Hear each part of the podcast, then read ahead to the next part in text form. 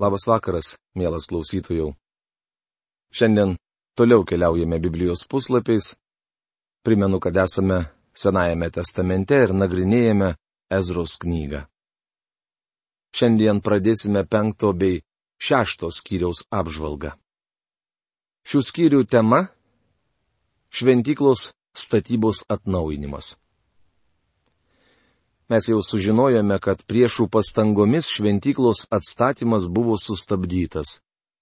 Jie parašė laišką Artakserksui, kuriame neteisingai nupiešė Jeruzalės vaizdą pavadindami ją maištingu ir nedoru miestu. Karalius Artakserksas skaitė metraščius ir juose rado, kad pačiame karalystės pakraštyje, pietinėje Judo karalystėje, šie žmonės sukildavo buvo įvykę trys sukilimai. Galiausiai nebukadnecaras miestą sugriovė.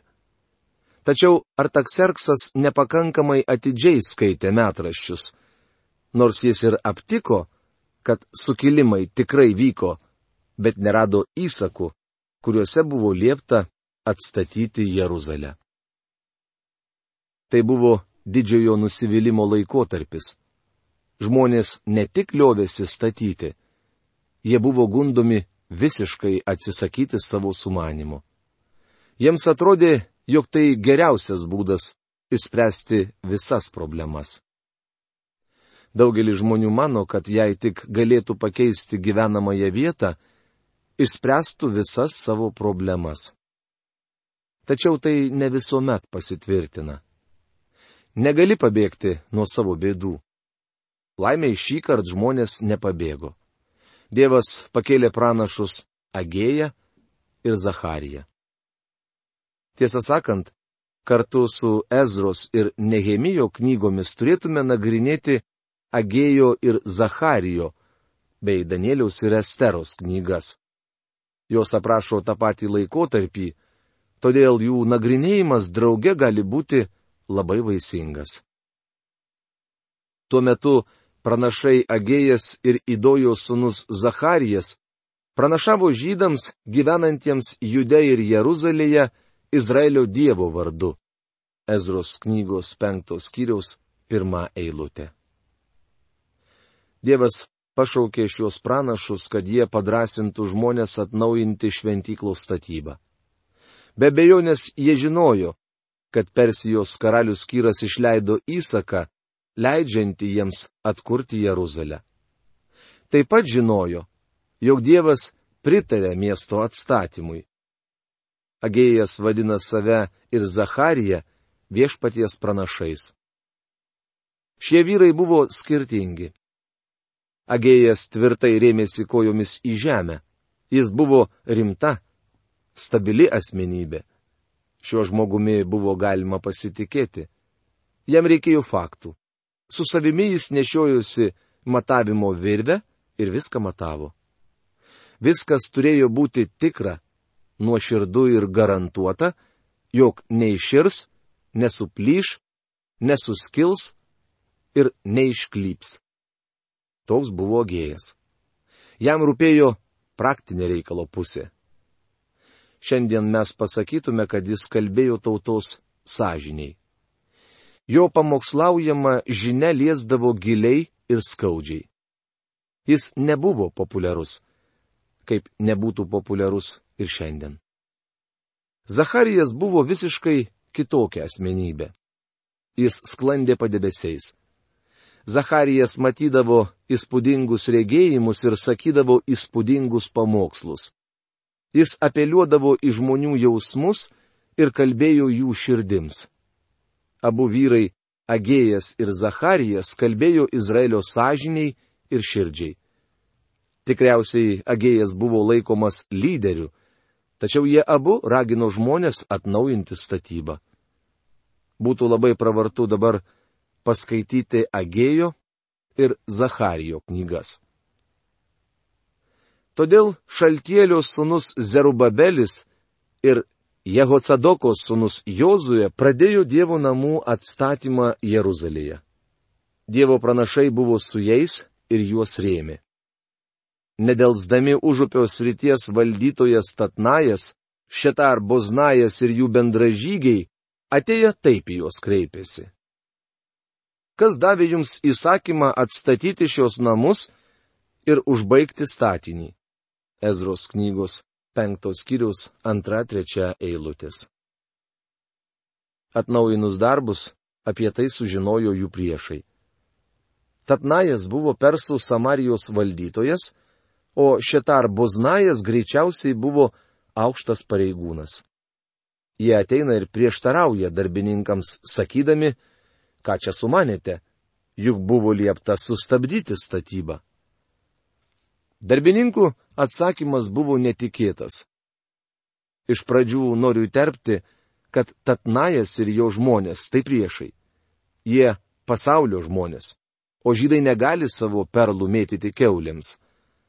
Ar priešai suprastų, jei žydai pasakytų, jog Dievas įsakė jiems statyti? Galų gale, viešpaties paslaptis yra su tais, kurie jo bijo, ir su niekuo kitu.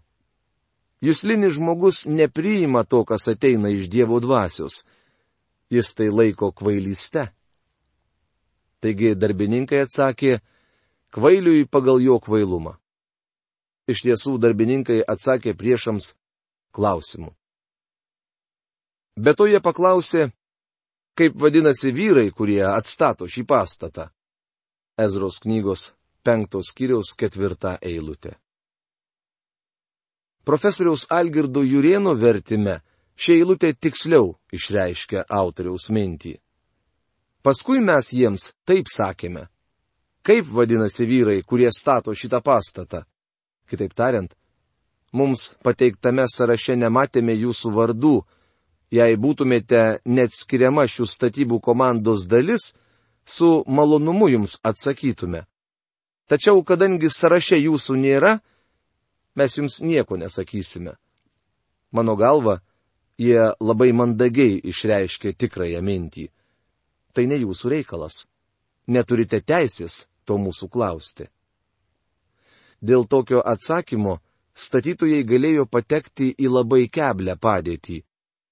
Tačiau paklausykite, kas įvyko. Bet Dievo akis saugojo Izraelio seniūnus ir jie jų nesutrūkdė. Tuo tarpu buvo išsiųstas pranešimas Darijui ir jie savo ruoštų gavo laišką su atsakymu dėl šio reikalo. Ezros knygos penktos kiriaus penktą eilutę.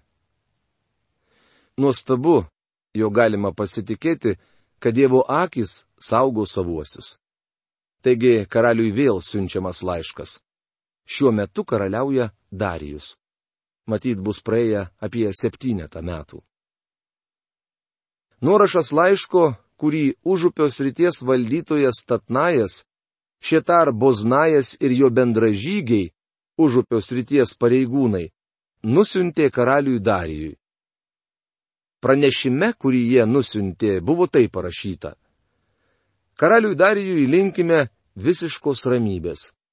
Ezros knygos penktos skyriaus šešta septinta eilutės. Tai dar vienas laiškas, kurį priešas labai greitai išsiunčia. Manau, jog netgi skubiu pristatymu. Te būna karaliui žinoma, kad mes nuvykome į judos rytį prie didžiojo dievo namų. Jie atstatomi iš skaldyto akmens, medžio sijos dedamos į sienas ir statybos darbai jų rankose vyksta sparčiai ir sėkmingai. Ezros knygos penktos skyriaus aštunta eilutė. Kaip matote, laiško mintis tokia. Mes nevykome ten specialiai šnipinėti. Nesame jų priešai.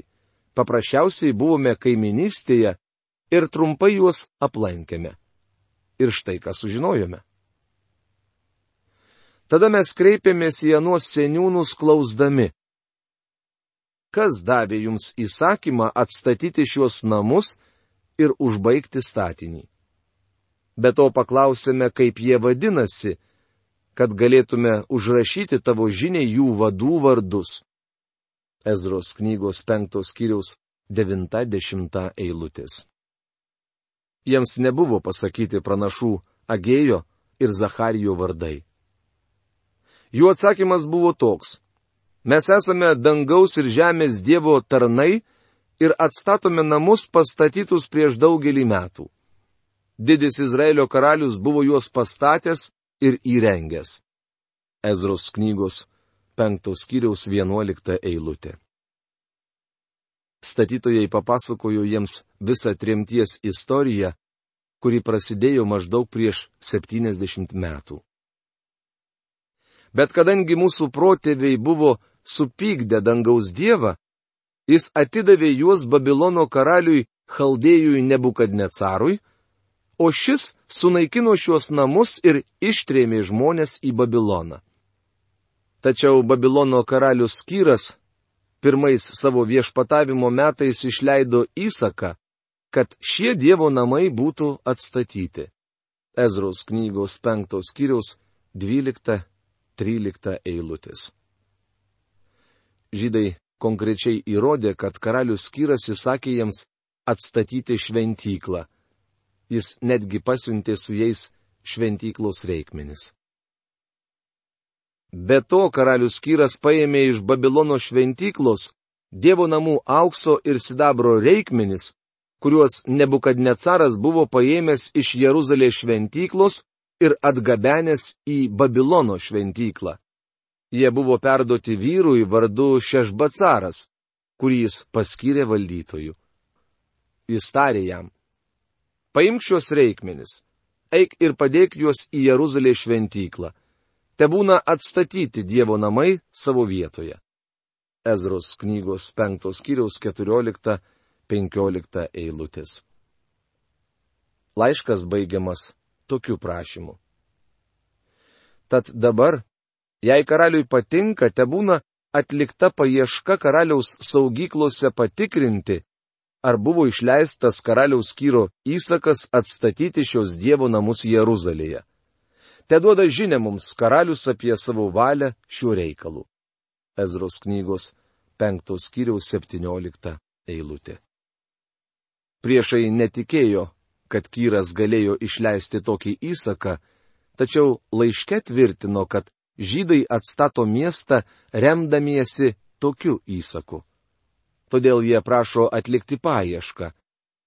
Jie įsitikinę, jog tokio įsako apskritai nėra ir kad šie žmonės viską daro savo valia. Darijus patvirtina, kad kyrų įsakas egzistuoja. Daug kas buvo padaryta dėl Dievo žmonių padėties ir būklės. Tarp kitko, šios dvi savokos skiriasi.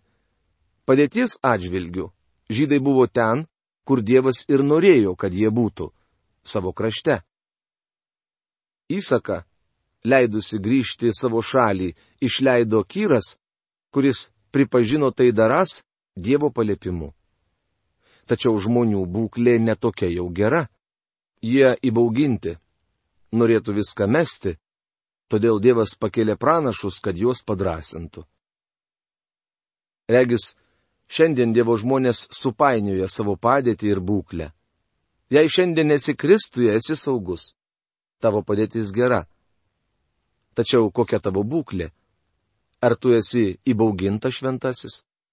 Ar esi įsišaknyjęs Kristuje, užtikrintas dėl savo išgelbėjimo, tačiau nori pasiduoti ir viską palikti?